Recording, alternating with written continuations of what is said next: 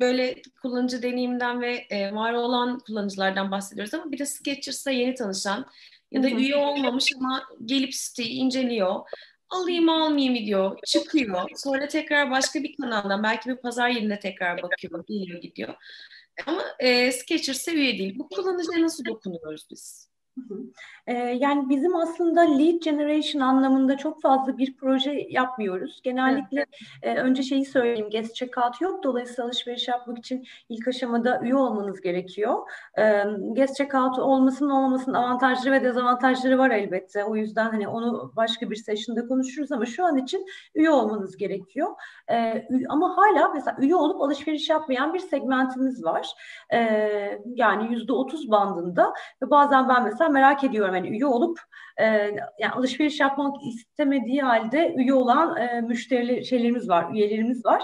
Dolayısıyla mesela onları müşteriye çevirmek. Yani bizim odamız aslında onları müşteriye çevirmek. Gelmiş dokunmuşum ben siteye gelmiş, üye bile olmuş benim artık onu müşteriye çeviriyor olmam lazım. Bizim ilk odağımız şu anda müşteri sayımızı o anlamda arttırmak.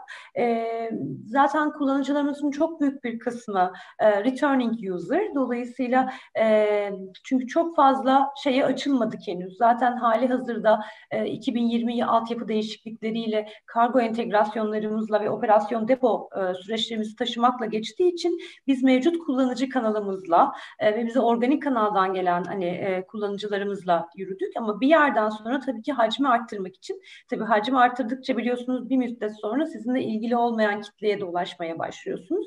Orada da yatırım maliyetlerimizin geri dönüşünü düşünerek belli adımlarla ilerliyoruz. O yüzden önceliğimiz aslında lead sağlamak değil, önceliğimiz e, mevcut üyelerimizi müşteriye çevirmek e, ve daha çok omnichannel müşterisi yaratmak. E, böyle. Biraz önce söylediğiniz gibi yani Sketchers'ın zaten bir organik trafiği var.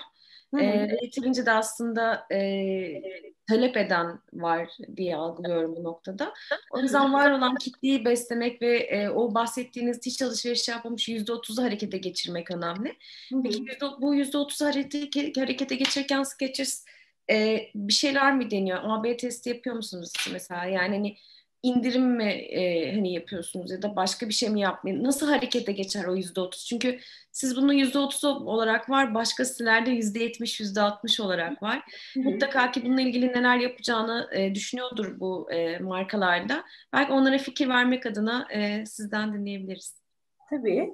Ee, her zaman şeyi söylerim. Yeni bir müşteriyi kazanmaya çalışmak her zaman mevcut müşterinin daha çok alışveriş yapmasını sağlamaktan daha zordur ve daha pahalıdır. O yüzden öncelikle mevcut müşterilerinizin ve üyelerinizin kıymetini bilin derim. Dolayısıyla ben de hep şu an o yolda ilerliyorum.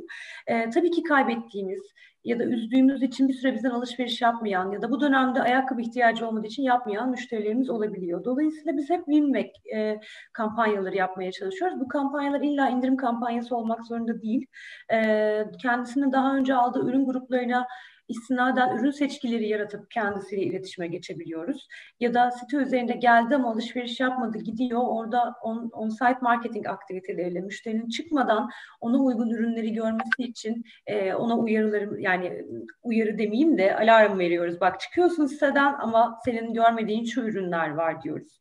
E, onun dışında kampanya yapacaksak eğer ilk olarak öncelikle onlara duyuruyoruz. Yani indirime girdiğimiz zaman öncelikle biz hani e, geri kazanmak istediğimiz müşteri kitlesine gidiyoruz e, gibi gibi. Yani şu an mesela şeyi yapmıyoruz. Bu da yine iş listemizde var. Sürekli bizden çocuk ayakkabısı alan müşterilerin tabii ki çocuk ayakkabıları büyüyor gittikçe. Dolayısıyla evet. orada bir replenishment var aslında. Yani diş macunu gibi çocuk ayakkabınızın da periyodik olarak numarası artıyor. E, dolayısıyla orada da hani çocuğun artık bak işte 27 numara almışsın artık büyüdü 28 numaraya denk gelmiştir gibi bu iletişimi de e, devreye almak üzereyiz. E, Kids tarafı zaten ciroda büyük bir kısmı kaplıyor. Dolayısıyla bununla daha da bir e, orada e, satış da öngörüyoruz. Hem de müşterinin tercihlerini de kolaylaştırıyoruz. Aklına sokuyoruz bak ayağı büyümüştür artık diye bir miktar bilgilendirme de oluyor aslında. Zaten çok hızlı büyüyor yani. ya öyle bir şey oluyor hani dediğiniz gibi bir 8 ayda bir 9 ayda bir maksimumda belki bu hatırlatma yapılması gerekir. Özellikle erkek çocuklarda. Ben şahsen yaşıyorum bunu. Bu olamaz ya yani hani nasıl bu kadar hızlı büyüyebilir diye insan şey oluyor.